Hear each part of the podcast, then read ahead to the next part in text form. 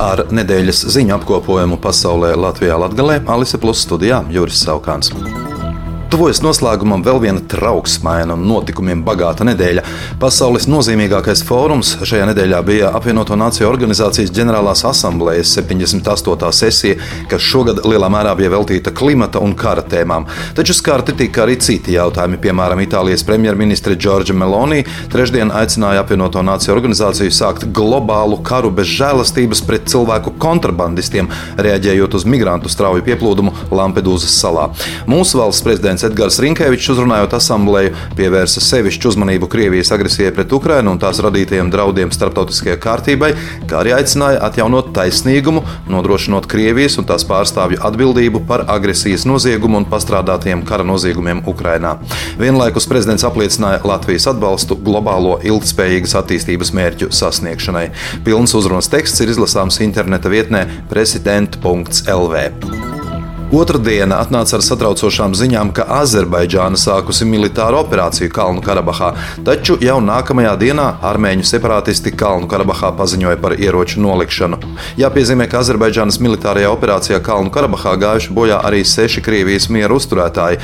Azerbaidžānas prokuratūra paziņoja, ka piecus no viņiem trešdien Azerbaidžānas spēki kļūdaini noturēja par armēņu separātistiem, bet vienu krievu nošāva armēņu separātisti. Pēc kontroles atgūšanas pār Kalnu Karabahu, ko Azerbaidžāna panākusi zibenīgas militāras operācijas rezultātā, ceturtdien notika arī pirmās tiešās sarunas starp Baku un armēņu separātistu pārstāvjiem. Sarunas tika organizētas tā dēvēto Krievu miera uzturētāju klātbūtnē. Baku pārstāvji iesnieguši plānu Kalnu Karabahas reintegrācijai Azerbaidžānā un apsolījuši nodrošināt anklāva iedzīvotājiem steidzami nepieciešamās degvielas un humanitāro kravu piegādes, kā arī gādāt par medicīnisko aprūpi. Sēma šonadēļ pieņēma grozījumus likumā par budžetu un finanšu vadību, kas ļauj jaunajai valdībai pie nepieciešamības valsts budžeta projektu iesniegt arī pēc 15. oktobra. Likumā pēc finanšu ministrijas priekšlikuma noteikts, ka, ja 15. oktobrī ir pagājuši mazāk kā 4 mēneši kopš ministru kabineta apstiprināšanas, tad valsts budžeta likuma projekts iesniedzams saimai nevēlāk kā 4 mēnešus pēc tam, kad parlaments apstiprinājis valdību. Visu nedēļu turpinājās stīvēšanās par tālāko Reizeknas valsts pilsētas pašvaldības likteni.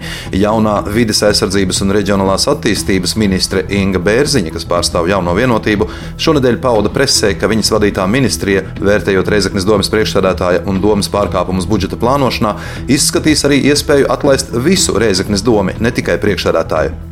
Ceturtdien pie Reizeknas domas ēkas notika Reizeknas mēra Aleksandra Bartaševiča no kopā Latvijai pieteiktā akcija viņa atbalstam. Finanšu ministrija pat labi vērtē Reizeknas pašvaldības sniegto informāciju iespējamai finanšu stabilizācijas sākšanai. Ministrijas komunikācijas departamenta direktors Aleksis Jarotskis norāda, ka sniegtajā informācijā Reizekne ir nepārprotami apliecinājusi, ka 2023. gada budžeta plānā netika paredzēts viss nepieciešamais finansējums atlīdzību izmaksai. Ministrijas ieskatā tas ir rupšs finanšu vadības un regulējuma pārkāpums. Daugopilī remonta darbu dēļ no 27. septembra līdz gada beigām tiks slēgta tramvaju kustība. Kamēr tiks realizēti vērienīgi infrastruktūras projekti, iedzīvotājiem būs pieejama alternatīva autobusu maršruts numur 97, kas maksimāli dublēs tramvaja numur 1 maršrutu ar 64 reisiem darbdienās un 32 reisiem brīvdienās. Autobusu maršruta numur 97 kustības grafiks un schēma tuvākajā laikā tiks publicēti akciju sabiedrības Daugopils satiksme interneta vietnē. Jāpiebilst, ka kopējās projektu izmaksas veido vairāk nekā 30 miljonus eiro, kas uzņēmuma pastāvēšanas laikā ir vērienīgākais finansiālais ieguldījums tramvaju infrastruktūras attīstībā. Studijā bija Juris Saukāns. Nedēļas ziņu apskats tiek veidots projekta Ziņas bez robežām pasaulē, Latvijā, Latvijā ietvaros sadarbībā ar Mediju atbalsta fondu.